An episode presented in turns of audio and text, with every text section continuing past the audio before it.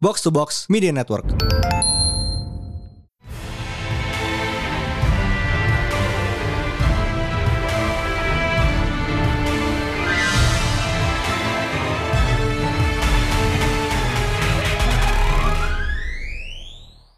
What up, what up? You're now listening to the most valuable crossover in the Box to Box Podcast Network.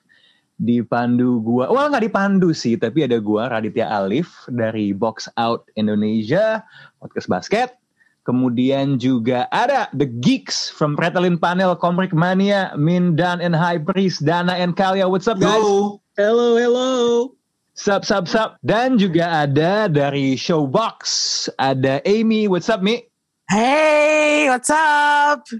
Oke, dan um, so ya ada Box Out podcast basket, ada Showbox podcast film, ada Pretelin Panel Komik Mania podcast komik. Gua hanya jadi role player di sini, jadi kira-kira dengan kombinasi tadi, Dana sebagai point guard di episode kali ini, kita ngomongin apa ya? This week we welcome you to the jam. To the Space Jam to be exact. Come on Yes, and slam. It's Space Jam Legacy. Yeah. you know we had to do this. so anyway, take it away, Dan. Yeah, so as you know, Space Jam Legacy ini baru rilis sekitar dua minggu yang lalu di HBO Max ya. Ya. Starring LeBron setelah literally decades of development hell karena dulu tuh sequelnya emang langsung mau dibikin kan, tapi kayak satu lain hal nyangkut sana sini, akhirnya Ya. jadi uh, LeBron is the MJ of this movie kan. Ya, Mhm. kita di sini buat ngebahas itu. So, gue mau mulai dulu. We started for the beginning. Kalian semua udah pernah nonton Space Jam pertama kan pasti. Pastinya. Kok gue satu-satunya yang belum nonton ya? Oh my God, really? You've Wow. never seen the original Space Jam? How come? Okay, I confess I've never watched the first one. How? I guess I missed it. Gak tahu. Gue kayak Wow. mencoba mencari ingatan gue, menggali-gali memori gue. Ternyata Wow. gue gak pernah nonton film itu. I'm sorry guys. This is interesting. Gak This is apa-apa, interesting. gak Kita apa-apa. punya perspektif yang perspektif orang baru quote unquote ya. Right, right. Without the baggage This ya. one I mean, Dengan- the, without the baggage. the thing is kayak Space Jam 1 tuh kayak it was released the year I was born. Kayak probably before I was born and I've still watched it. How Wait a second, wait a second. How old are you, Kalia? Ah, Kenapa I'm- nama lu Abang Kalia and you are I should call you Adik Kalia sebenarnya, bro. Yeah, you should. But on. Abang is a fame. eh, Abang is a family name. My mother married to my dad, and her name is Ibu Abang now. Ternyata itu tuh cerita di balik nama lo. Itu marga. Yeah, it's it's a family name. so it's like Tanah Abang. Yeah, it's it's it's my it's my place. It's where I belong. It's my domain. Lanjut, lanjut, lanjut. Yeah, but yeah, I'm 25, and even I have seen Space Jam. Mhm. How come? I don't know. Gue gue gue mengingat-ingat gue lagi ngapain eh, pada saat eh, film itu keluar dan gue menyadari bahwa film ini eh, film pertamanya itu keluar tahun 95 apa 96 gitu ya 96. 96 itu 96. berarti gue masih SD jadi gue kemu- kemungkinan besar gue nggak tahu ada nih film dan gue nggak tahu Wow. apakah masuk bioskop atau enggak dan gue emang dulu nggak terlalu suka nonton kartun Oh. Gue oke. nggak sense. nggak begitu nggak begitu seneng nonton animasi. Me, gue sekadar nonton Disney Animations kalau summer holiday doang. Tapi Aha. yang lain-lainnya gue memang gue agak telat memang untuk masuk ke animasi dan gue masuk ke animasi tuh eh, melalui film Disney sama anime. Dan itu gue that's fair. Nah, jadi gue merasa kayak film-film yang animasi di luar Disney dan anime-anime zaman tahun se- 90-an, tahun 2000-an tuh gue nggak tahu tuh. Kayak Hmm. setelah gue, maksudnya ini setelah gue eh, sadarin ya, kayaknya gue pernah nonton cuplikan dari Space Jam, tapi gue nggak pernah nonton film penuhnya. I know there was Michael Jordan there, and Michael Jordan was obviously big in those years. Dan of course gue salah satu orang yang eh sebagai pemain Sega gitu, gue gue lumayan tahu tuh eh, pemain zaman-zaman itu tahun 90-an. I know that he retired and then he came back and everything. Hmm. Tapi gue nggak pernah kayak nonton filmnya di mana dia main film. Gue bahkan pada saat itu nggak kepikiran seorang atlet tuh bisa main film. Hmm, I didn't have that idea. Jadi right. kayaknya emang apa? gue nonton Space Jam yang ini, gue tuh kayak terkesima gitu. gue kayak, oh ternyata bisa ya. Wow. It's like it's like a really good combination of entertainment karena sports itu kan entertainment juga ya. That's true. Dan apa ya? Gue merasa kayak eh, entertainment dari sport dan entertainment hiburan yang acting, yang menyanyi, ternyata itu semua bisa digabungin dengan seapik ini gitu. Jadi begini gitu. Ya, gitu. Ya, jadi ya, itu loh. Ya kayak apa sih? gue baru terbuka mata gue bahwa oh it it can work, it can work gitu. I see. I Okay, see. but but we have to ask the important question now. Okay, you've never seen Space Jam. Okay, okay, that I can say it's fine, but okay, the fact is out there now. But have you ever seen okay, Shaquille O'Neal's Kazam? No, oh god. no, I've never seen that.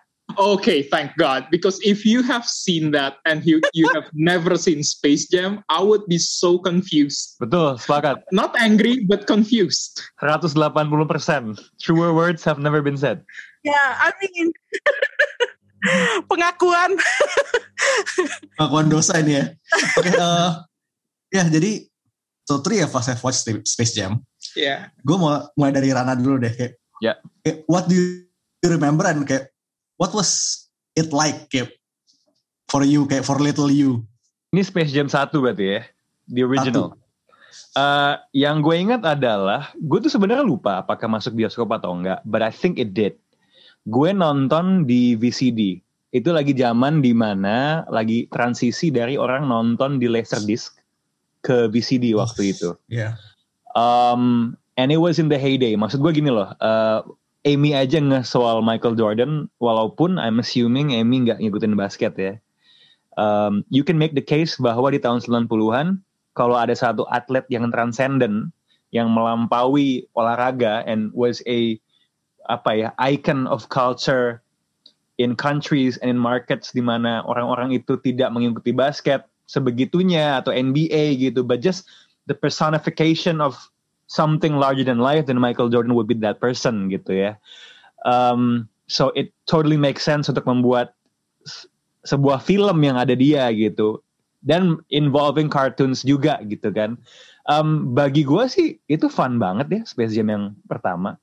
Um, sebagai orang yang ngikutin basket sama tahu sedikit soal Looney Tunes. I mean, obviously gue tidak mengikuti setiap episode Looney Tunes kayak mungkin ketika masih kecil nonton Power Rangers misalnya.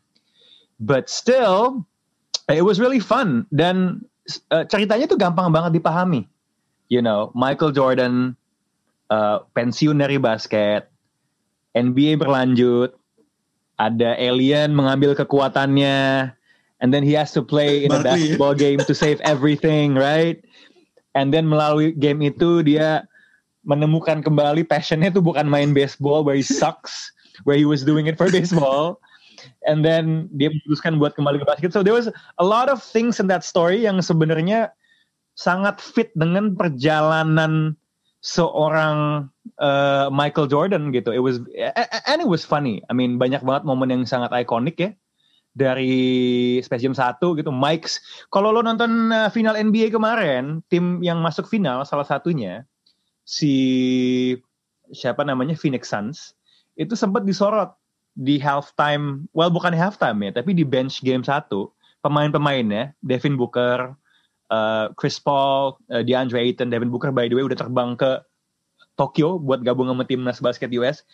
He was drinking a bottle of water yang ditempelin kertas Devin Booker seolah-olah itu botol minuman yang ditulis Michael Secret Stuff gitu di Space Jam. So so so, so impact the, the cultural impact of that movie bukan cuma ke fans atau ke orang yang nonton, but to athletes as well.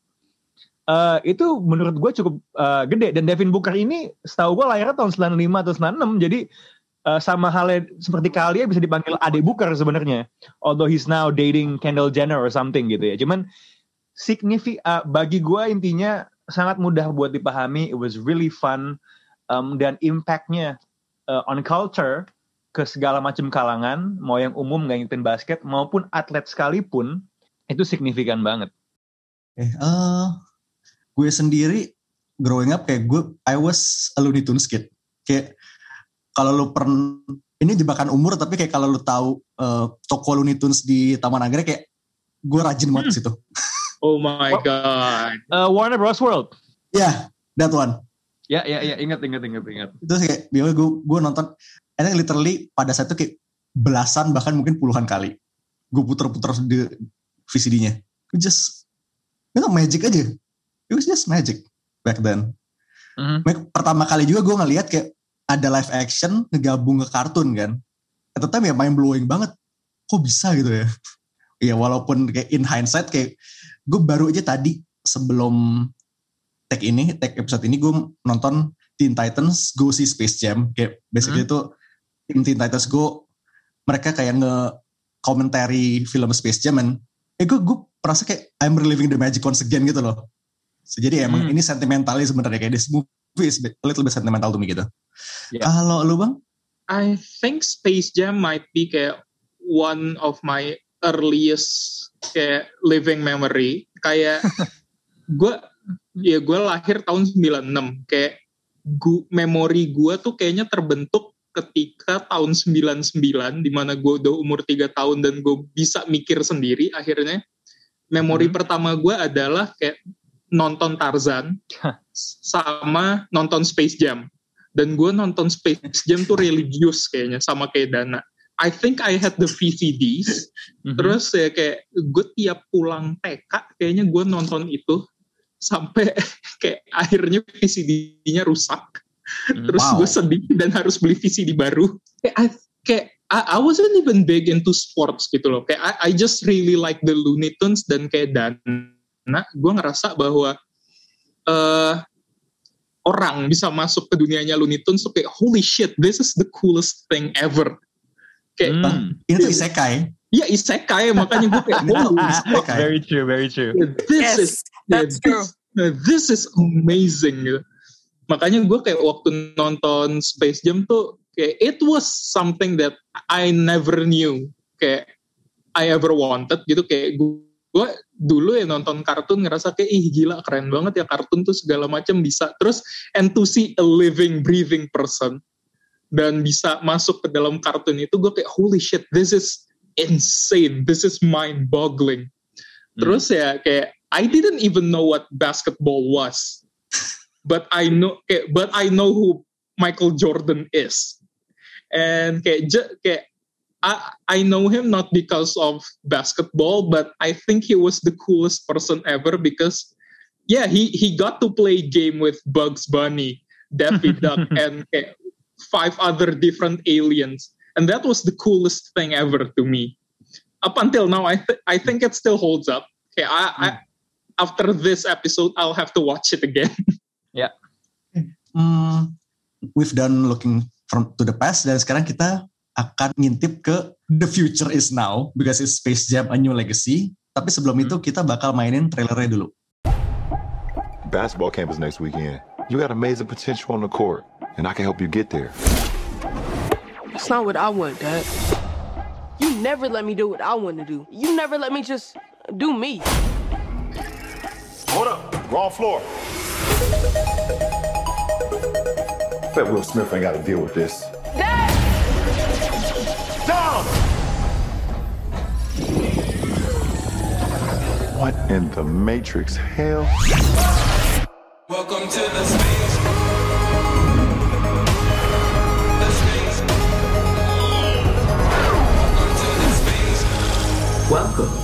James. I am the king of this domain. This is the serververse. What'd you do to my son? Where's Dom? The only way you're getting your son back is if you and I play a little basketball. Pete, send this clown to the rejects. Wait.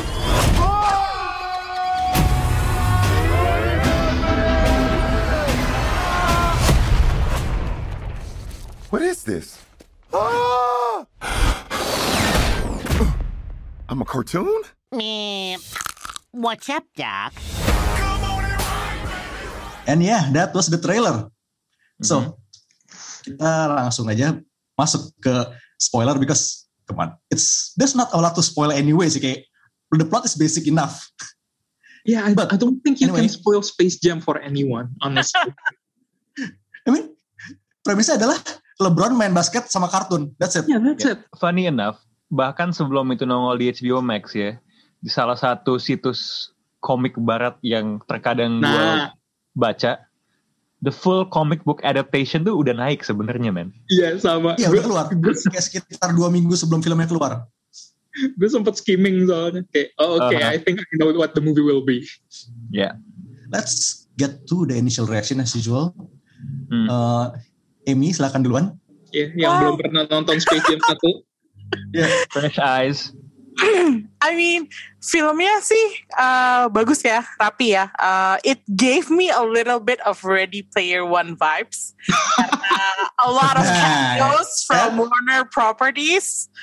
Of course, it's gonna be a star-studded movie. Of uh, dari awal aja udah udah ketahuan bahwa uh, it's gonna be a star-studded movie karena uh, like it's LeBron, he's playing himself, and there are like, of course, you will get uh, cameos from basketball players, other celebrities, and uh, characters dan cartoons gitu.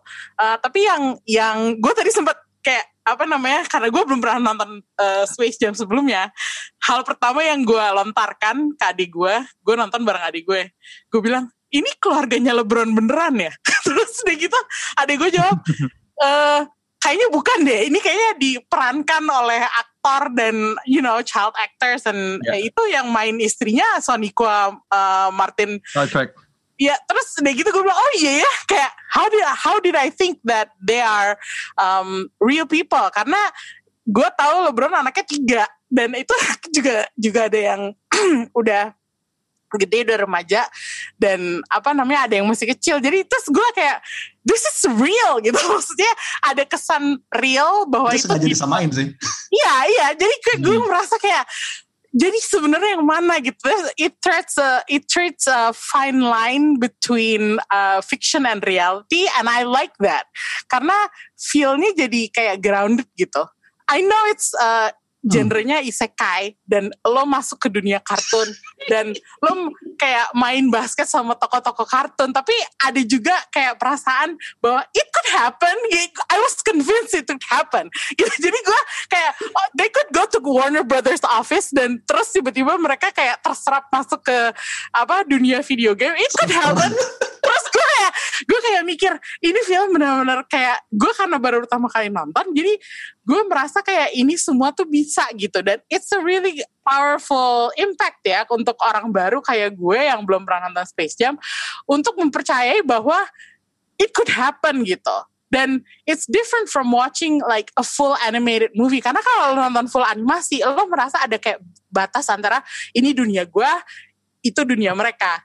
Tapi ini enggak gitu. Gue merasa kayak oh I could really I could really be sucked into a video game. Jadi gue seneng aja sih sama feeling itunya. Kayak as simple as uh, apa ya escapismnya tuh uh, gue suka banget uh, caranya menggambarkan escapism itu dan mem- bah- bahwa mereka membuat gue bisa merasa masuk ke dalam dunia mereka. That's what I like.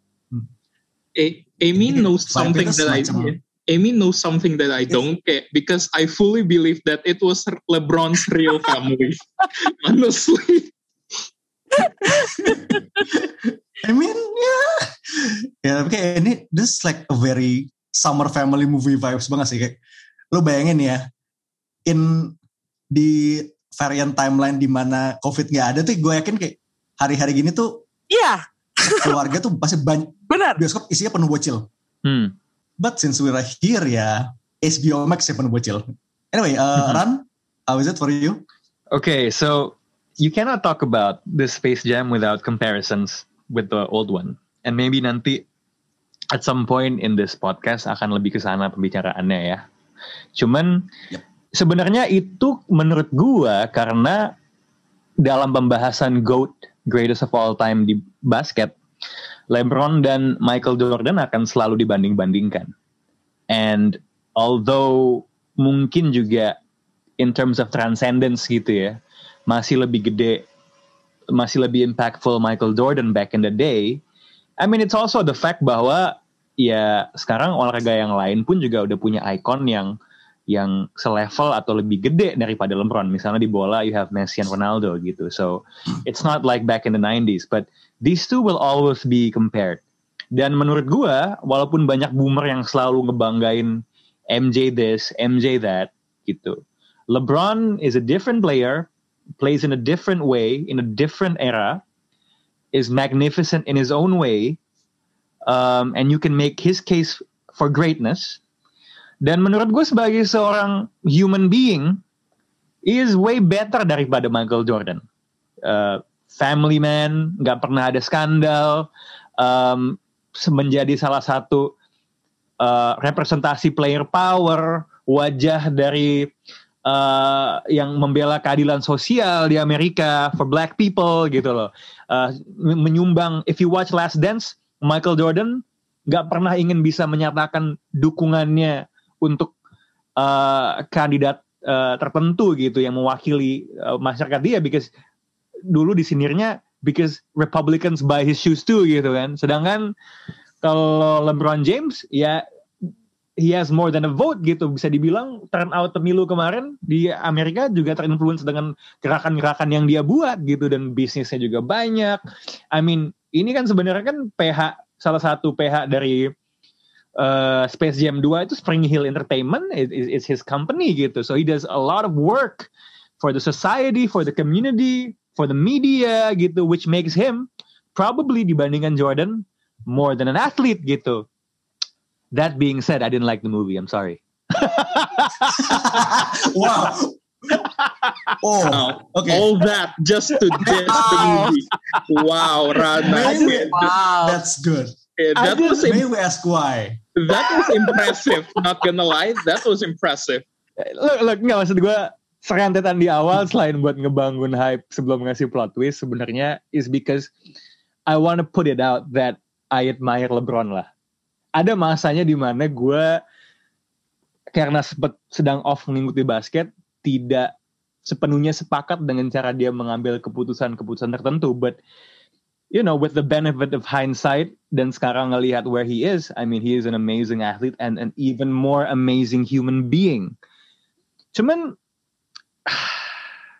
bagi gue this Space Jam for me there's so many corporate messages stuffed into there. Hmm. I mean the whole thing feels like a 90 uh, almost 2 hour exercise in IP IP-nya Warner Bros ya.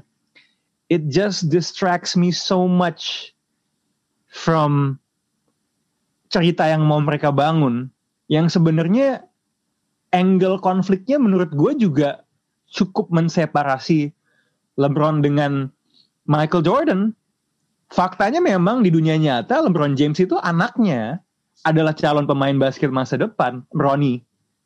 And he's probably going to be able to be in the NBA someday. Dan yang lebih gila lagi mungkin nanti akan he's gonna be in the NBA ketika bapaknya masih main basket. And that would be an awesome story. So I thought Oke, this is an interesting angle sebenarnya untuk di di di diungkit fakta bahwa you know LeBron as a family, ya. But just the way it's executed, um, dan kalau gue boleh jujur, actingnya LeBron is not a train wreck, but he's better in train wreck sama Amy Schumer. I'm sorry, ya. Um, apa ya? I just throughout the whole movie, it felt really hard for me to buy into this IP exercise yang yang bikin gue tuh juga bingung karena IP IP-nya Warner Bros itu juga udah agak lewat sebenarnya ya. Maksud gue anak kecil sih, apakah mereka sebegitunya untuk Game of Thrones atau Harry Potter? Gue nggak yakin ya. That was like five six years ago. Maybe that's for Amy misalnya. Gue nggak tahu ya. Iya. Um, cuman and and I didn't really find the jokes like funny gitu. I, I and and and itu yang gue agak sedih karena LeBron James itu lebih lebih lucu daripada Michael Jordan. Jauh jauh lebih lucu, he's funny gitu. Uh, lu bisa lihat iklan-iklannya dia, video-video dia di social media. Ta like dia tuh untuk menjadi aktor tuh jauh lebih bisa lu mainin sebenarnya gitu. Dan memang kelihatan juga dia dikasih amunisi, things to play with di film ini lebih banyak kayak Michael Jordan disuruh acting kayak dia di sini pasti lebih jelek lagi. Michael Jordan tuh diuntungkan dengan fakta bahwa Space Jam was sort of designed so he could just play the straight man the whole time gitu loh. Hmm. Kalau Space Jam yang ini kayaknya is asking a bit of stuff gitu. Karena kan ya LeBron James is a bit loony gitu orangnya. But yeah, I mean, I- it took me three times untuk menghabiskan film ini di HBO Max. I I I, I couldn't watch it in in one sitting sebenarnya. Sepertiga awal, tengah, sama akhir. gue bisa ngerti perasaan Rana karena eh, tadi gue bilang it gave me a little bit of Ready Player One vibes. Maksud gue itu it's not necessarily a good thing karena eh, tadi Hmm. gue merasa eh, it's already been done di Ready Player Hmm. One. That whole IP thing, IP Right. dump gitu. Itu kayak Hmm. udah udah Itu lewat. just gitu. long ago ya. Cu- Iya, Baru dua dan- tahunan umurnya. itu kayak belum belum 10 tahun yang lalu gitu kita nonton film seperti ini di mana eh, banyak IP-IP-nya Warner Bros di dump semua di satu film dan eh, in such a wonderful way dan Ya. cara masukinnya jauh lebih halus, Hmm. jauh lebih bermakna gitu. Eh, satu-satunya momen di mana gue eh, berseru itu adalah ketika eh, Looney Tunes muncul di Mad Max. Itu satu-satunya Yeah, yeah, that was kayak, kayak Itu it, that was clever. that was surprising. That was yeah, that unexpected. was like, actually. oh okay, Mad Max, yay, gitu. Finally something. Tapi like I agree with uh, Harry Potter and Game of Thrones. Uh, I mean, even the DC characters kayak overused Uh-huh. menurut gue Yeah. Dan agak-agak jadinya malah kayak, ah, kind of boring gitu. Malah Hmm. gue malah tertarik untuk melihat revivalnya Looney Tunes di mana mereka dapat Right. badan baru, dapat kayak animasi komputer graphics zaman sekarang gitu, digital gitu kan. Itu Hmm. malah lebih menarik buat gue daripada kemunculan uh, ini itu dan I mean it's just a bit overdone bagian itunya sih kalau menurut Yeah, gue. yeah. dan gue juga apa namanya seperti Rana gue meng, eh, perlu dua kali nonton. Jadi yang pertama kali nonton gue nggak konsen banget tuh. Gue nggak kayak gue nggak ngedapetin eh, inti dari ceritanya. Eh, meskipun buat gue lumayan fun ya. Eh, Ya. awal-awalnya cuman agak ke tengah tuh tiba-tiba drop gitu. Terus gue coba lagi eh, nonton untuk yang kedua kalinya di saat mood gue lagi a bit kalem Hmm. gitu dan it works sih kalau buat gue it works karena gue masih masih punya kacamata orang Ya. baru gitu yang Ya. kayak wow wow wow gitu nah tapi emang sih IP dumpnya itu memang agak lebay dan kalau menurut gue nggak perlu semua itu sebenarnya karena Aha. even though you said LeBron actingnya jelek tapi lo masih bisa. gue merasa dia tuh Oke. entertaining dia Oke, entertaining oke, banget oke, oke. Ya mungkin sebenarnya kan berarti oke tuh poin soal LeBron ya. Ini kan sebenarnya ya perbedaan taste atau ekspektasi aja ya. ya gitu ya Um, karena mungkin juga karena gue tahu nih LeBron tuh memang orang yang I mean my expectations can work against me ya. My my knowledge of how entertaining he is misalnya atau kemunculan dia di di di media-media lain gitu. I mean he's a fun dude gitu. I just feel tadi bagus ya lo mention soal Ready Player One ini anggap aja Ready Player Basketball gitu ya. Eh, ini tuh kayak those things sort of get in the way. Kayak kalau di Ready Player One kan it's part of the story yes dan elegantly, bener seamlessly gitu kan. Kayak uh, you're in a video game in the first place, okay, this is in the server verse or whatever you wanna call it. Tapi satu itu distracting dari dua dua apa ya icon yang udah ada di dalam uh, series ini yaitu misalnya LeBron James and the Looney Tunes gitu kan. Um, kedua, permainan basket itu sendiri is a stylized hyper version of basketball. Yang itu juga kayak NBA Jam ya. distract- So there's so many things that sort of sort of pull you out of what you're watching sehingga satu hal yang yang yang menurut gue tetap bisa gue ikuti di Space Jam pertama ya adalah satu gue merasa kalau internal logiknya itu konsisten mau sewacky apa pun, oke? Hmm. Uh, like you know Michael Jordan is surprised dia masuk ke dunia ini dan lain sebagainya. Like like there's a consistency in that throughout. Uh, yang kedua adalah gue bisa merasakan sense of stake. You know, there's stakes. Oh ini bakal di- diperbudak selamanya. Dan sebenarnya di Space Jam 2 itu ada gitu, but the fact that it's digital, there's Don Cheadle it's inside the server. Um, it's fun. Kayak oke gitu kayak seba- sebenar sebenarnya itu cerita core ceritanya dramatis, tapi gue tidak bisa merasakan apa ya suasana dramanya sebenarnya karena ya ini semua digital gitu loh.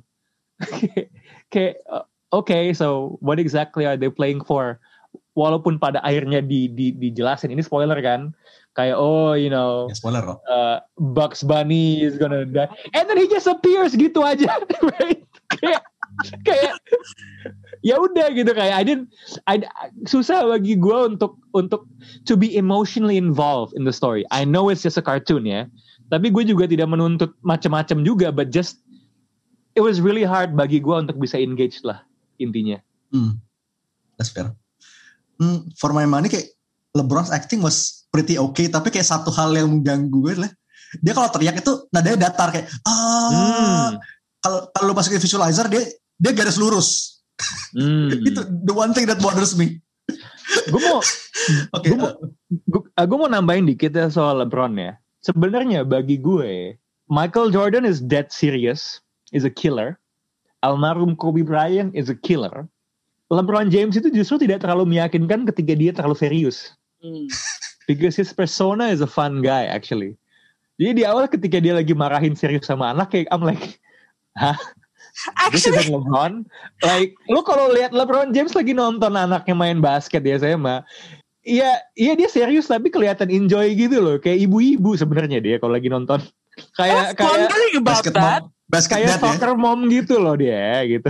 kayak Gue gitu gue Nggak- tadi bertanya-tanya dan gue pengen menanyakan ini sebenarnya ke Rana kayak eh, is is that really how he is as a father gitu karena gue menurut gue eh, awalnya gila kok serius banget ya ini orang I thought he was he was a fun guy I mean I get that eh, pe- apa kesan gue impression gue terhadap LeBron adalah he's fun gitu Ya. dan apa namanya orangnya rada ngocol gitu kalau Iya. lihat di interview gitu kan Nah, Yes. tapi terus dia kayak aktingnya serius banget di awal yang dia marahin anaknya terus gue tadi kepe- pengen nanya marah emang dia beneran kayak gitu I don't buy it tapi ya maybe it's a script Iya. demand gitu I Iya. don't know Ya, I mean like untuk sesaat dia tiba-tiba jadi Kobe Bryant gitu. Like what? Soalnya kan gitu. The, the thing about athletes is that they have a persona yang orang tahu gitu. Maksud gue LeBron James di saat kritikal di sebuah pertandingan dan he can be dialed in ya. Um, bisa ada lah killer moodnya ada gitu. But that's not his default mood. Kayak lo ngeliat almarhum Kobe misalnya ngelatih anaknya gitu kan. Eh, almarhum eh, anak yang meninggal eh, Gigi gitu kan. Oh dari kecil dilatih gitu kan. Kayak even though LeBron James anaknya tuh gini deh. LeBron James di dunia nyata anaknya calon main NBA di masa depan. Tapi ketika anaknya lagi streaming game sama temennya, LeBron James ikut-ikutan juga. Gitu. Kayak hey kayak kayak, kayak ikut ngeprank gitu. Jadi kayak um, again ya, you shouldn't watch this with this baggage of information. Tapi when you combine that dengan acting yang part yang nggak terlalu convincing, then ya udah layaknya banyak hal di film itu. I know it's a cartoon, tapi gue tetap susah buat engage. I mean, ini tuh bukan perkara yang gue nonton terus kayak aku datang dengan ekspektasi tinggi untuk membunuh film ini dan membandingkannya dengan Space Jam. No, I mean you, you, just watch it normally aja gitu loh. Tapi kayak, hmm, kenapa ya? Why am I not really jumping into this ya? Gitu loh. Nah, ya sekarang gue lagi mencoba membedah faktor-faktor yang ngeblok gue gitu kan. There's that that acting how it contrasts with his public persona, the IP dump, uh, dan lain sebagainya. I mean there was still a few jokes yang bikin gue, hah gitu kan. Tapi nggak nggak yang ah, nggak yang gue pengen bener-bener nonton lagi gitu loh. That's fair. Uh, Bang, bagaimana? Oh yeah, I, I fully enjoyed the movie. Gak apa-apa, gak apa-apa. Yeah. Uh, be- be- kayak- because the thing is kayak I came in with no expectation at all. Kayak honestly if there kayak it was either no expectation at all or I was fully expecting the movie to bomb. Hmm. So okay, when the movie turned out okay, I was like, yeah, I can, I can vibe to this. Okay, I like it. Hmm. Uh, but there were moments where I kayak cringed a bit Hmm. because some of the stuff were like, ooh, that's that felt a bit too how do you do fellow kids gitu loh. Dab. Kayak, kayak, kayak ju- justru kayak the the scene where LeBron uh, LeBron dab, I was like, yeah, I, I like this. Kayak he seems like the kind of dad who would do that. But kayak, Hmm. uh, yeah, I like LeBron, but kayak his whole thing in this movie it felt contradictory gitu loh. Kayak he kayak pas dia masuk ke Tunu, ke Looney Tunes World itu dia kayak wow Bugs Bunny you're Bugs Bunny that's very cool gitu kayak I don't uh, kayak sementara di awal tuh dia bener-bener digambarin kayak everything has to be serious. You have to kayak you have to take everything seriously. Hmm. and then kayak begitu dia ketemu Bugs Bunny dan dia nyuruh Bugs Bunny buat ikutan serius tuh gue kayak wait hold on. That that's not how it works. Kayak a few moments ago you were having fun with Bugs Bunny and now you don't want to have fun with Bugs Bunny? That makes no sense gitu. Ya, internal logiknya aneh. Iya karena logiknya aneh banget di sini kayak I think that was the most mind-boggling thing. Meanwhile kayak seharusnya gue lebih eh, kayak lebih boggled lagi ngelihat kayak Don Cheadle on Adderall being an AI. kayak I think Don Cheadle was my eh, was the best part of the movie gitu easily. Kayak un, unhinged Don Cheadle kayak he's the best. He's the very best. The word Don Cheadle word of the day is Adderall. Yeah, Adderall. Gue juga sebenarnya easily hit the best part was Don Cheadle karena dia kayak I don't know his presence is like apa banget gitu kayak setelah sekian lama ngelihat dia mostly gue ngelihat dia sebagai Rodi kan kalem, reasonable terus kayak di sini kayak yes he is an AI that AI yang speednya kegedean Ada yang nulis ya soal soal the irony about Space Jam 2 gitu kan. Kan within the movie Algorithm itu kan idenya adalah membuat film tentang LeBron and kata LeBron it was a bad idea kan. Right? But actually that entire movie is essentially Space Jam a new legacy. Like Algorithm's proposal within the movie is actually the movie we're watching, man. Wow, okay. Now, now that you mention it, It's that meta. is so meta. anjir meta Meta. Wow. holy Fuck. Okay, now I love the movie even more. What the hell? How is, how is that possible? I call that creating a situation yang critic proof, man. Karena lo sudah menganggap film itu jelek di dalam filmnya, man. Ya, so ya kayak di sini tuh Warner Bros tuh bener-bener pushing their property sih. Tapi uh, to be honest ya, the Mad Max bit was good. Karena kayak bener-bener kayak they went full ham karena kayak lu kayak cuma ngeliat di beberapa detik tapi LeBron tuh udah pakai kayak gear war boy gitu kan. Terus Hmm. Tapi mungkin sequence yang gue suka adalah sequence-nya Wonder Woman karena tiba-tiba kayak dia visualnya pa- pakai paneling dan the fact mereka bawa Rosario Dawson to voice Wonder Woman. Oh Hmm. shit, that was Rosario Dawson? It is, it is. It was Dawson. Dia udah be- beberapa Oh. kali voicing Wonder Woman kan. Yeah. Huh. You learn something new every day. Huh, okay. So uh, we talk about a lot about the cameos in this movie kan ya.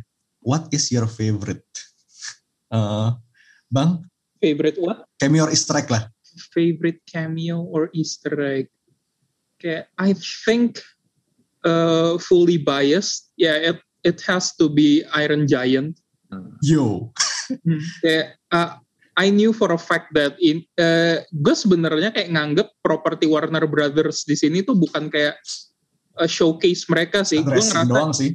ya gue gue ngerasa ini lebih kayak garnish gitu loh.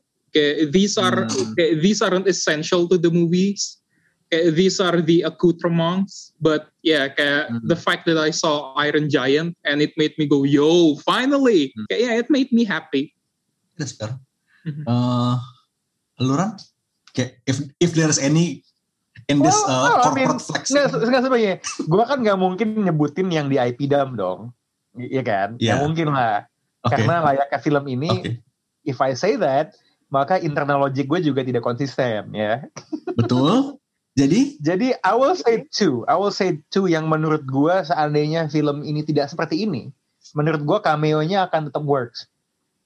And this comes from the realm of basketball. Menurut gue sudah seharusnya memang ada Ernie Johnson jadi komentator eh, di eh, sebuah pertandingan di sebuah film Space Jam. Eh, bagi gue, walaupun dia bu- udah bukan komentator play by play ya, kalau ada yang nonton NBA, kan NBA itu di Amerika tuh tayang di i- dua major networknya ESPN, eh, ABC, sama TNT kan, TNT yang affiliated sama Hmm. Warner. Eh, well, ya sama CNN segala lah, that, that, that corp gitu. Dan bagi gue di, di dunia ini, the best moderator in the world is uh, Ernie Johnson. Uh, yang kalau biasa pertandingan NBA, he host Inside the NBA. Uh, that's the the most fun sports punditry show hands down in the world. Karena lo bukannya ngelihat tiga orang lagi ngomongin basket, suasananya tuh kayak ngelihat barbecue tau gak lo? You, you have you have a panel yang isinya Shaquille O'Neal, Charles Barkley, yang juga nongol di Space Jam sebelumnya. Yang dua ini Oh, kayak adik kakak selalu show-nya, berantem. Ya. Ernie Johnson punya kemampuan ngemoderasi itu, man. And he's white. Think about it, man. Kayak so to see him buat, buat gue dia dia perfect banget uh, nongol bentar gitu his his presence and Michael B Jordan that was the best joke in the Yeah. entire uh, movie Easily. Yeah, that, that kayak I knew for a fact that it was coming, Uh-huh. but kayak the comedic kayak the comedic timing just still works gitu loh. Yes. It's so good. dia cuma ada satu mistake menurut gue. Uh, what I would do if I could change that. Siluet kepalanya nggak gue kasih lihat. I thought that sort of oke. Untuk kepalanya ya. Iya, aduh. Be- bentuk kepalanya Michael B. Jordan tuh kayak distinct banget soalnya kayak you know kayak yeah, this is Michael B. Jordan. Right. Dan dan sebenarnya gue tuh sebenarnya ketika dia nongol, there's part of me yang juga expect dia buat main layak ke Bill Murray di Space Jam pertama, tau gak sih lo? Kayak Bill Oh iya. Bill Murray ngapain Iya. bangsat? Bill Murray itu begitu ditanyain kayak Bill, what are you doing here? Yeah, I know the producer kayak yeah, I was expecting that kind of fourth wall breaking gitu loh.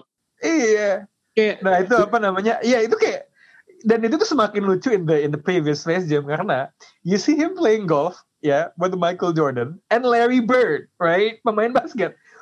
Kok ujung-ujung yang datang Bill Murray bukan Larry Bird, man?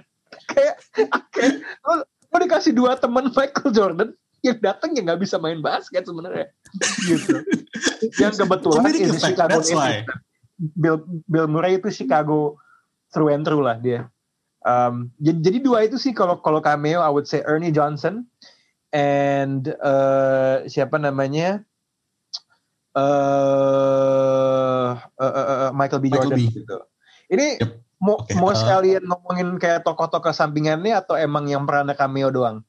Ya kalau misalnya lo mau ngasih tokoh sampingan yang menurut lo nongolnya bagus ya I think go for it. Oke, I'll I'll try to be a bit positive ya. Walaupun nggak ada Aha. walaupun walaupun nggak nggak se-iconic Monstars, menurut gue Goon Squad itu sebenarnya lumayan lumayan lucu penggambarannya. Kalau misalnya lo fans basket karena persona-persona yang mereka ambil ya itu sangat sesuai dengan persona di lapangan basketnya.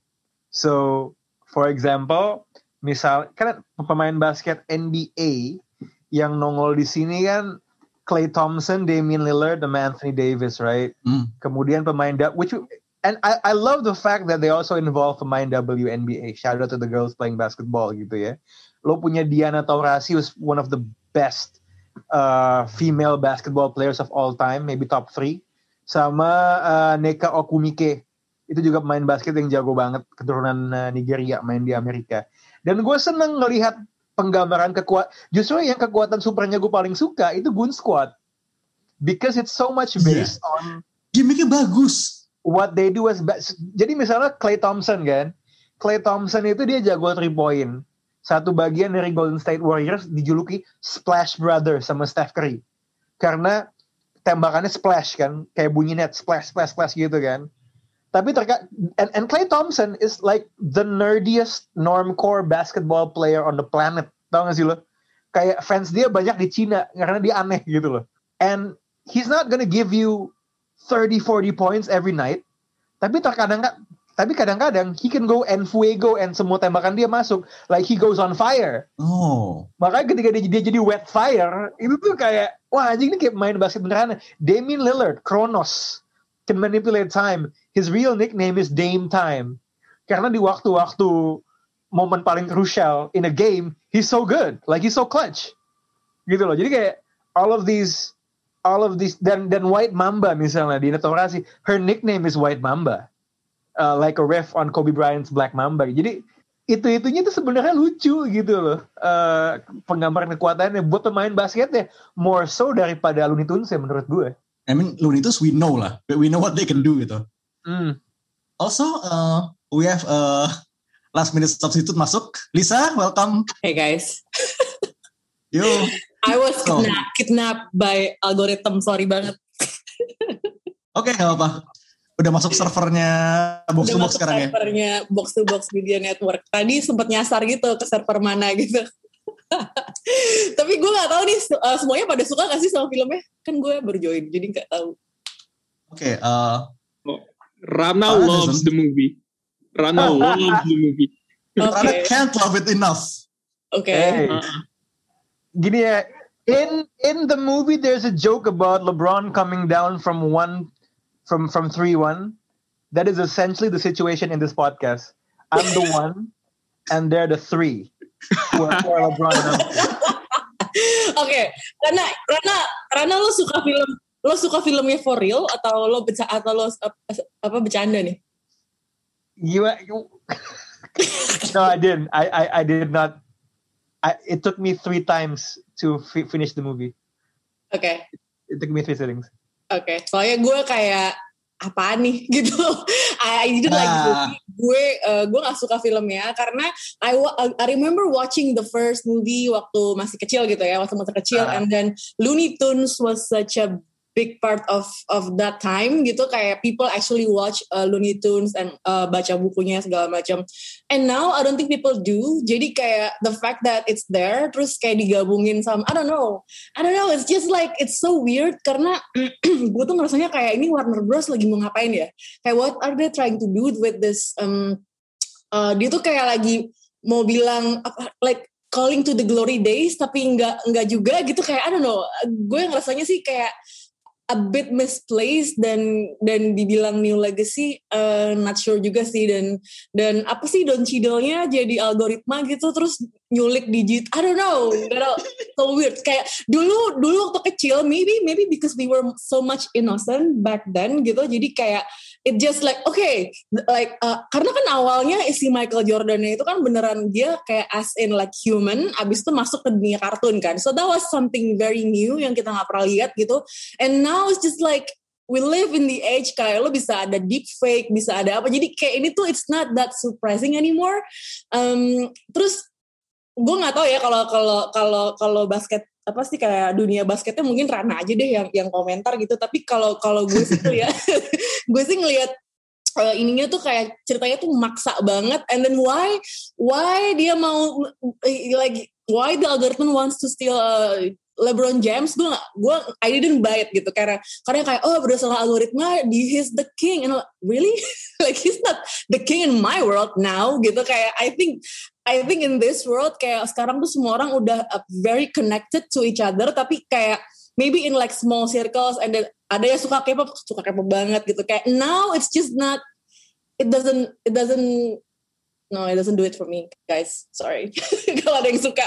Itu, it- itu kayaknya algorithm nggak ngikutin BTS kayaknya. ya. yeah exactly.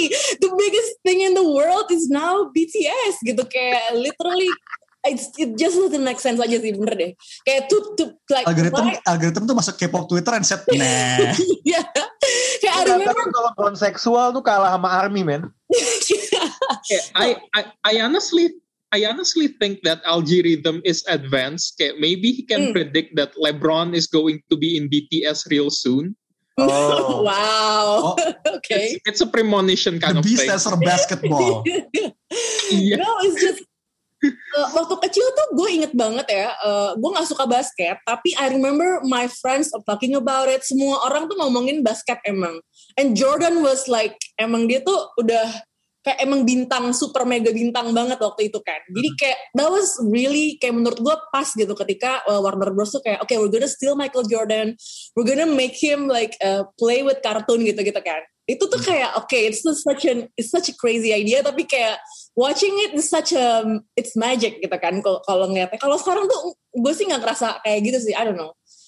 I don't know guys. Maaf ya Ran. you, you're apologizing to the wrong person. Kan kan you're defending this basketball world. I don't know. Now you're 3-2. Iya, iya. Oke, but uh, pertanyaan gue sekarang adalah, Liz menurut lo kayak, is there a, a cameo or like a side character yang menurut lo memorable kayak? Eh, nggak ada kalau gue. Sorry. Well, well, Really? eh. Not, not even Michael B. Jordan? ya, ya. I mean, karena udah tahu kan bakal, maksudnya it's not that surprise. Gue nggak surprise juga gitu karena udah tahu kan. It's the obvious joke sih. It's, it's the Yeah. obvious be fair, joke, but eh, the comedic the comedy still slaps gitu menurut gue. Iya, nggak tahu guys, gue kayak bitter banget kali ya karena lagi pandemi. Oke, Mungkin. reasonable.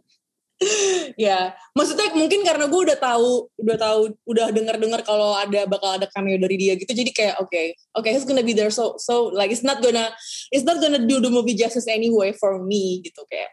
Eh, Gitu. That's Uh, fair. Datang-datang Oh. recokin gak sih nggak ya? I hope not. Gak apa. Mi, gimana Mi? Kayak, does any of them stand out for you? Uh, I said it before. I'm gonna say it again. I liked uh, the Mad Max part. That's like Gak tau kenapa Yeah. bagian Mad Max itu berkesan banget buat gue. Uh, mungkin karena gue juga suka banget sama Mad Max dan gue nggak percaya mereka berhasil memadukan dua hal itu gitu. Dan in, in uh, apa ya dari semua yang ditampilkan uh, blendnya paling natural gitu. Daripada masuk yang ke Harry Potter itu gue nggak suka. Masuk ke Game of Thrones gue nggak terlalu suka. Tapi uh, gue suka sama apa namanya sama cara mereka nampilin Mad Max it was quite Dia the extra mile gitu loh. gitu. Itu aja sih cuman Mad Max dan uh, I mean the Michael B. Jordan was a bit predictable tapi I like it. I mean it's not the most apa namanya exciting thing tapi like the joke I got it dan I laughed. Kayak Michael A. Jordan Michael B. Jordan it's I don't know I just I I, I like it. Simple as that. Oke, eh, gue sendiri ya, ini cameo yang gue yakin banget unauthorized. But, kalau lu notice, di mejanya Dom, meja anak anaknya si LeBron yang gamer, there is a Shuri Funko Pop. gue mau salaman sama set dressernya. Oh, ini Bisa enggak enggak mungkin yang uh, you can also attribute that to the fact that Ryan Coogler is involved to a certain capacity. Hmm, Oh, I Ryan that. Coogler is That involved. makes Really? sense. I Uh, didn't know that. Gak gue Oh, lupa. this is news. I via via PH-nya or something deh, Actually, that actually makes sense. Iya, ada produsernya sih.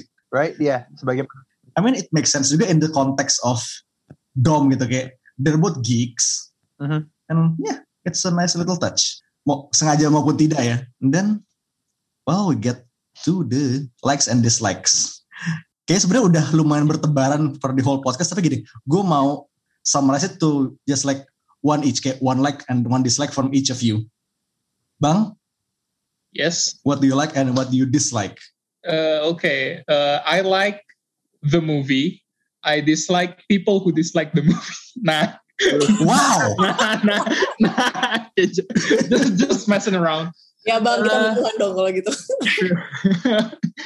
So- Sorry Liz, kita nggak bisa rekaman bareng lagi. Enggak kan. Eh kalau ditanya apa yang gue suka ya kayak I like the fact that this movie is made. Okay, it's kayak it's okay, it's not the best movie ever but it's not the worst either. Okay, I had a good laugh and I'm glad this movie is made. So I like the fact that it's here now. Okay. but kayak what I dislike about this movie is eh, kayak ya apa ya? Apa yang gue suka dari film ini sebenarnya kayak banyak tapi gue nggak bisa pinpoint apa yang bener-bener gue nggak suka gitu loh. Karena gue udah kadung merasa bahwa movie ini adalah satu film yang gue kayak oh ya udahlah gue nggak usah mikir buat nonton film ini. Jadi kayak otak gue tuh udah meremehkan segala kesalahan-kesalahan film ini dengan mengatributkan eh, fakta bahwasanya gue nggak eh ini nggak akan mungkin jadi film favorit gue jadi ngapain gue nitpick gitu. Jadi ya kayak Yeah, that makes sense. i- if if I have to pick something that I don't like is this movie is not going to be super memorable as the first Space Jam to me Oh pasti. kayak, thi- kayak this is kayak it's very subjective to me gitu loh. Jadi ya gue gak akan bisa ngasih lo jawaban konkret buat duanya, eh buat dua buat dua-dua pertanyaan itu. So yeah, that will be my answer. Oke. Eh, Lisa, one like and one dislike. Apa ya like-nya dan gue bingung. Um, actually, Kalau nggak ada nggak apa-apa. Actually at the beginning of the movie, uh, I, I like it the fact that ini tuh kayak tentang uh, di- uh, ceritanya dimulai dari anaknya si uh, si Bron ya. Maksudnya kayak si domnya itu. Maksudnya I kinda like that, but not enough to change change my mind about the movie. gitu aja deh gue. Sorry ya. Bisa bisa masuk. And what you did did not like ya sudah panjang lebar lah ya.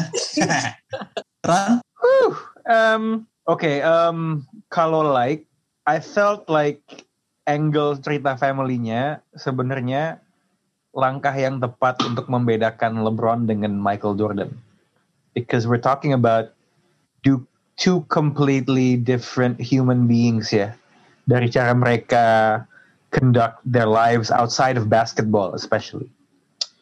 Um, sebenarnya kalau soal dislike kalau gue bilang IP dump lagi, fakta bahwa ini flexing jatuhnya masturbasi gitu, udah udah cukup tergambarkan. But I think ultimately, ultimately yang gue nggak suka adalah this movie really failed to engage with me, you know. And I think sebenarnya permasalahan terbesarnya bukan IP dumpnya, but just the way it was.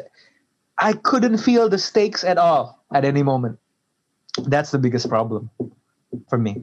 Itu yang bener-bener all of the other things misalnya kayak I, IP dump it distracted from me, maybe it played into that tapi gue tuh susah banget untuk bisa engage with this movie at any point sebenarnya. Kayaknya itu main problem gak sih kalau tadi Rana udah bilang kayak gitu, terus uh, tadi Abang juga bilang hal yang ini tuh nggak nggak uh, like nggak memorable gitu ya filmnya. Dan itu tuh kayak emang jelas banget gitu karena jokesnya gue nggak ketawa, maksudnya kayak oke terus uh, yang tadi Rana bilang cuman kayak masturbasi doang gitu ya, kalau for the glory days mereka bikin ini mereka bikin itu gitu kayak um, oke gitu. Terus tapi tapi gue tuh nah nggak gue nggak tahu ya tapi kan uh, maybe the the appeal is the basketball thing I don't know. Dan ternyata enggak juga gitu kalau kalau denger Rana tadi gitu ya. gitu I mean, uh, I wanna jump to that ya. Sebelum mungkin nanti lu, lu balikin one like, one dislike gitu. Sebenarnya dalam yang tadi juga udah gue mention, dalam kreasi musuhnya, there's basketball appeal in it gitu. Hmm. In some of the reference, what they say gitu, although it's a little bit overcooked, itu ada. But just how the whole thing comes together tuh, it becomes such a less than the sum of its parts gitu loh. Hmm.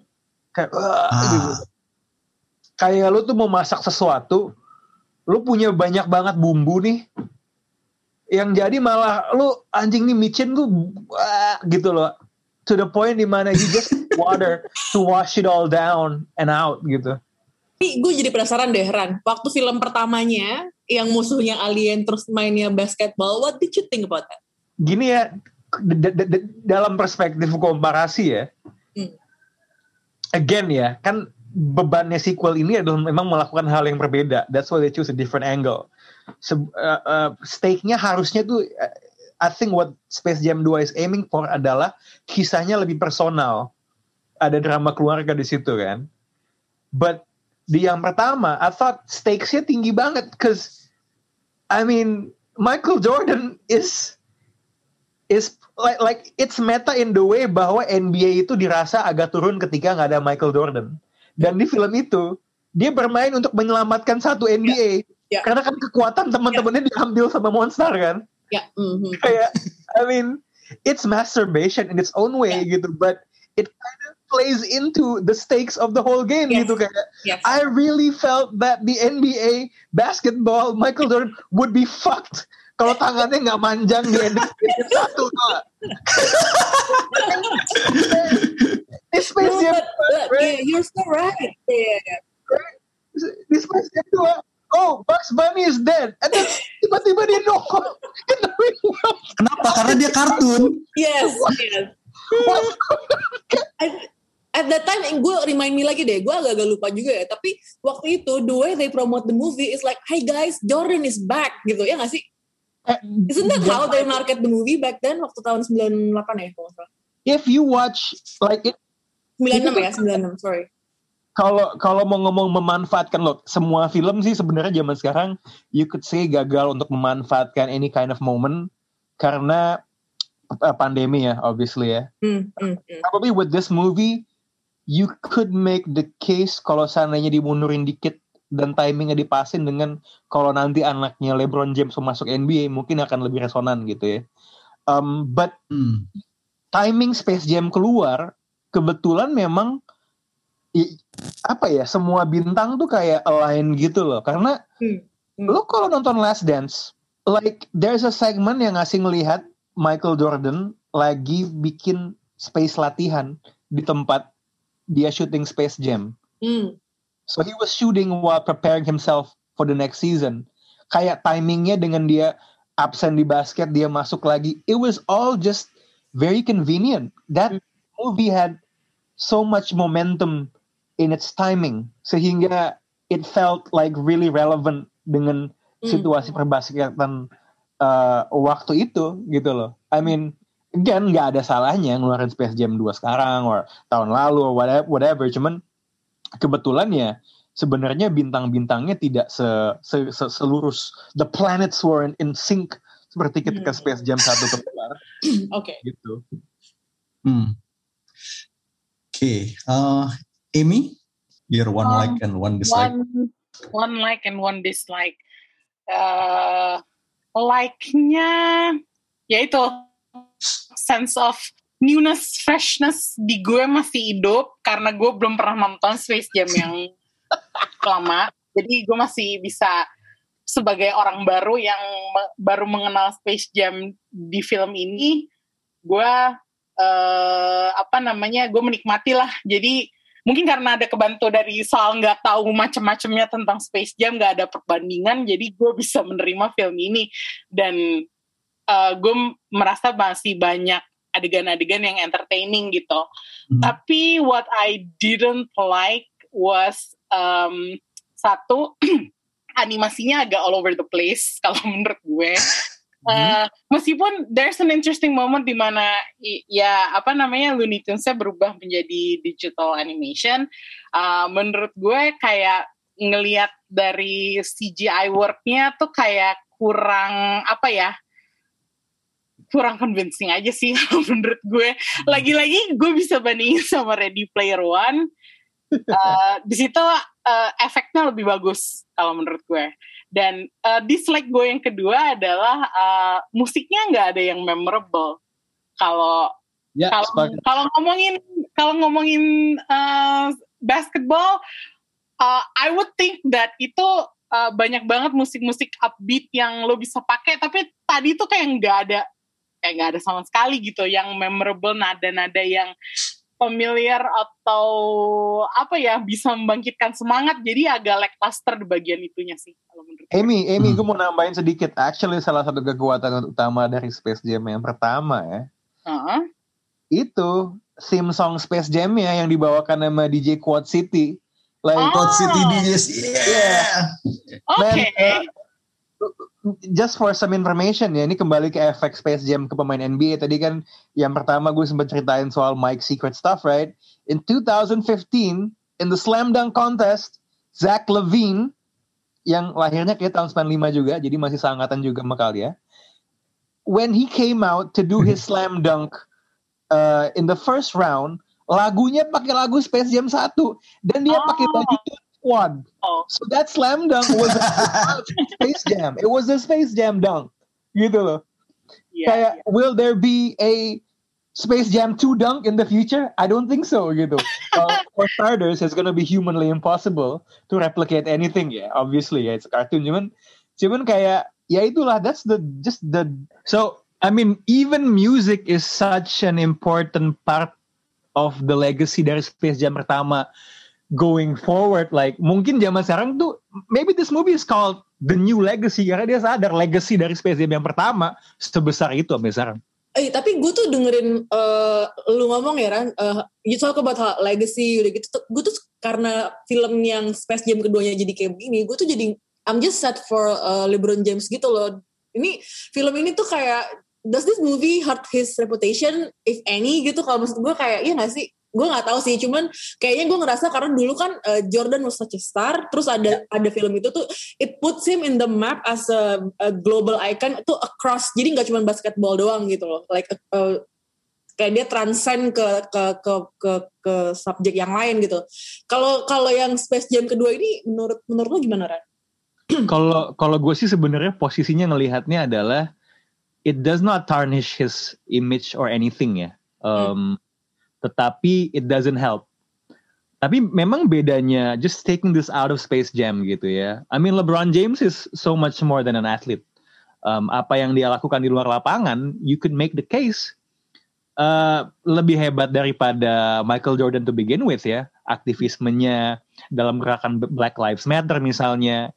And also involvement dia di dalam film Space Jam ini sendiri kan lebih tinggi karena dia punya perusahaan media, Spring Hill, dia punya berbagai macam bisnis yang sebenarnya produk media yang dia hasilkan tuh bukan cuma Space Jam 2 aja gitu. Kalau lo Hmm. nonton HBO, one of their best talk shows is The Shop. Hmm. Di mana itu dia bikin talk show di dalam barbershop. Itu mungkin uh, konten terbaik yang dia buat gitu. Jadi um, kalau main game NBA 2K itu yang bikin part ceritanya, by the way Idris Elba nongol jadi tokoh di situ. Itu Spring Hill Entertainment juga gitu. Jadi he's doing so much more to the point di mana this will not hurt his image dan pada akhirnya he's gonna be a bigger person than Michael Jordan di hal-hal yang sifatnya non basket gitu. Dan Excellent. memang juga eh, dia, dia hidup di zaman yang berbeda ya. Lu lu Ya. bayangin lah dia dia masuk di NBA di usia yang lebih muda daripada Michael Jordan, masuk langsung dari SMA and he had so many expectations untuk dibandingin sama Jordan padahal LeBron James sendiri is a fan of Michael Jordan gitu loh. He watches Last, La- Last Dance. Um, dia tumbuh that's why he wears the number 23 gitu. So there's a sense of reverence within him gitu. Um, tapi juga setelahnya dia hidup di zaman yang berbeda gitu. Kalau lo ngomongin tahun 90s, Michael Jordan nggak punya pesaing in our collective memory dari olahraga lain. Yeah, that's true. Kayak with the social media and the internet, lo bisa nonton dari mana pun. I mean, there's Lionel Messi, there's Cristiano Ronaldo, there's Usain Bolt, there's Michael Phelps di Olimpiade sekarang ada Simon Biles, there's, there's so many Serena Williams gitu kayak memang kita hidup di zaman di mana there's nggak ada satu icon monolithic, you know, kayak kayak Michael Jordan gitu, and that's just a fact. So um, it does not help his case kalau memang ceritanya dia memendam ambisi untuk bisa mengenal mengenal transcendence-nya Michael Jordan. But with everything he's done and in the era that he's living, he's probably gonna be remembered as someone yang lebih impactful in in in different ways daripada Michael Jordan. Oke. I mean that's that's great to know karena maksudnya kayak I would hate karena kan maksudnya with all this uh, karakter adaptasi yang tadi lo bilang itu Hmm. it'll be really sad kalau misalnya film ini jadi kayak uh, ngejelekin image dia gitu loh. But that's that's good to know. Ini tapi gue tuh pengen nambahin nih, maksudnya akan selalu ada narasi yang membandingkan legacy dia sama Jordan ya dalam hal-hal yang sifatnya non basket. Um, gue nggak tahu ya apakah LeBron James yang namanya orang kan pasti punya ambisi ya terlepas dari sepenting apa memenuhi ambisi itu ya. I will say this though, Uh, mungkin kan hal hal basket yang paling diikuti sama orang di luar basket sebelum ini kan mungkin dokumenter Last Dance ya. Hmm. Um, The Last Dance itu dikomisikan uh, sama Michael Jordan, like like dia memberikan izin untuk lo memakai footage ini. Setelah LeBron James menang juara di Cleveland tahun 2016. I find banyak yang melakukan cocokologi lah kenapa dia ngasih izinnya sekarang ya. Hmm. Setelah because Le- Le- LeBron James ini kan beda ya. Kalau Michael Jordan dia main di satu tim and then dia menang 6 kali, right? Hmm. LeBron James ini dia gagal menang awalnya di tim kampungnya di Cleveland, dia pindah dimusuhi satu Amerika Wow. dan kemudian juara and then dia pulang kampung and then akhirnya berhasil menang gelar juara pertama buat kota Cleveland in 100 something years in any major sport right? And then that was when muncul narasi wah dia the cho akhirnya dia memenuhi takdirnya gitu kan. And at that timing Michael Jordan chose untuk oke deh lu meng gua ACC ini lu bikin dokumenter Last Dance. Bisa jadi sih yang sebenarnya lebih insecure soal legasinya bukan LeBron James man. It's Michael Jordan sebenarnya Did I pick the right person gitu ya? right gitu kan so Okay. ag- again ya I mean that's always interesting to talk about naratif-naratif yang terbentuk di luar dari produk-produk media yang melibatkan these greater than life athletes like what is the personal stake for them in in doing that apart from the the money Tapi kalau gue boleh uh, motong sebentar ya, uh, I just want to say, as a person who doesn't watch basketball uh, and still know LeBron James, after watching this movie, gue merasa gue lebih dekat sama LeBron James. hmm yeah yeah yeah yeah Is that weird? Karena menurut gue no no it's di not it's sini- not it's not di sini yang seperti tadi gue bilang di awal, kayak apakah itu beneran keluarganya dia kayak gitu? Gue jadi belajar tentang LeBron James gitu Jadi kayak. penasaran lu ya. Ya gue jadi penasaran apakah bener uh, keluarganya kayak gini, apakah uh, dia punya sisi serius yang selama ini gue nggak tahu karena kan gue nggak nonton basket kan karena Ya. gue cuma tahu dia dari video-video yang yang kadang-kadang pendek-pendek dari social media gitu Hmm. dan gue merasa kayak ah masa sih orangnya bisa serius juga gitu nah Ya. gue merasa kalau soal reputasi gue rasa sih LeBron nggak bakalan eh, jatuh ya hanya karena film ini gitu. Kecuali kalau dia melakukan suatu dosa besar yang misalnya doping gitu. Ya Ya. knock on wood nggak jangan sampai gitu. Tapi gue rasa eh, hanya karena satu film Space Jam ini gue yakin sih dia nggak bakal drop reputasinya. Cuman uh, he could have made a better movie. Kayak Mhm. maybe next time he won't repeat the mistakes that he did in this movie. Gue Hopefully. harap sih gitu. Cuman Oh, sama sama ini juga mi mungkin ya dalam konteks ini berhubungan sama timing before I jump to your point ya. Ketika Space Jam keluar, Chicago Bulls juara. The season uh, Lakers tuh kalah di playoff. Jadi emang simetri antara kejadian di dunia prestasi dunia nyata sama timing filmnya memang tidak. I mean you cannot control that gitu kan. Itu satu. Kedua memang LeBron James itu lebih man of the people sih gitu Hmm. loh. Memang ada sesuatu. I mean Michael Jordan, Air Jordan, right? His airness dia melayang gitu kan. Sedangkan LeBron James memang he always wants people to know kalau dia tuh emang ya gue ya gue dari Akron Ohio gitu loh. Gue orang kampung, gue sama kayak lo. Uh, mau gue segrande ini, I'm relatable to uh, the average dad, you know, the average family man gitu loh. I mean, there's something about him. Mungkin itu dia kali ya. Charmnya adalah ya dia memang lebih relatable dibandingkan atlet-atlet di kalibernya dia yang ada sebelumnya atau ada di cabang lain. Oke, so I think kalau dari gue sendiri nih ya, the biggest crime was not including the theme song. itu sayang banget. Padahal di trailer udah ada, udah ada remixnya kan. Hmm. And also what I like was Little Rel. He was Oh. kayak man, he made he made the commentary for me sih. Kayak Hmm. playnya sama Ernie Johnson sama Little Rel kayak yes. Ini kalau diperhatiin It's ya, a bit of a shame we don't need a lot of him. Little Rel ini Ya. trajektorinya seperti Kevin Hart ya. Iya gak sih? Jadi kayak dia nongol ngambil cameo-cameo kecil di komedi-komedi yang involving black people. Berarti at some point in time ya, gue akan punya ekspektasi dia nongol lebih sering di pertandingan-pertandingan NBA dan ujung-ujungnya dapat satu vehicle di mana dia jadi lebih terkenal. Kalau ya, kan Kevin Hart tuh kayak gitu kan, kayak sekarang dia terkenal, right? Tapi kalau lo nonton Scary Movie 1, 2, dia kan cuma nongol bentar doang di situ kan. Mungkin.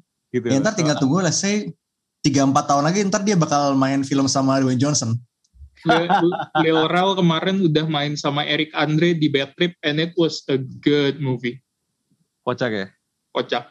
Also, I'm gonna leave you guys with one more thing. Uh, speaking of Dwayne Johnson, kemarin tuh si Malcolm Dealey, direkturnya New Legacy itu sempet ngomong, gue mau bikin Space Jam 3, but starring Dwayne Johnson. What? No. Ini ini jadi Space Slam dong. Ya kayak it- it's not basketball anymore baby, it's wrestling time. Come on and slam, literally. Enggak sih, please. But yeah. and on that bombshell, I think it's time to wrap this up. So, thanks again Rana sudah mewakili box out kali ini. Yes, sir. And as usual, thanks Amy and Lisa for stopping by as usual. Thanks guys. Sorry telat. Thank you. We will be seeing you next week. So for now, this is Minden This is High Priest. signing off. Peace. Out.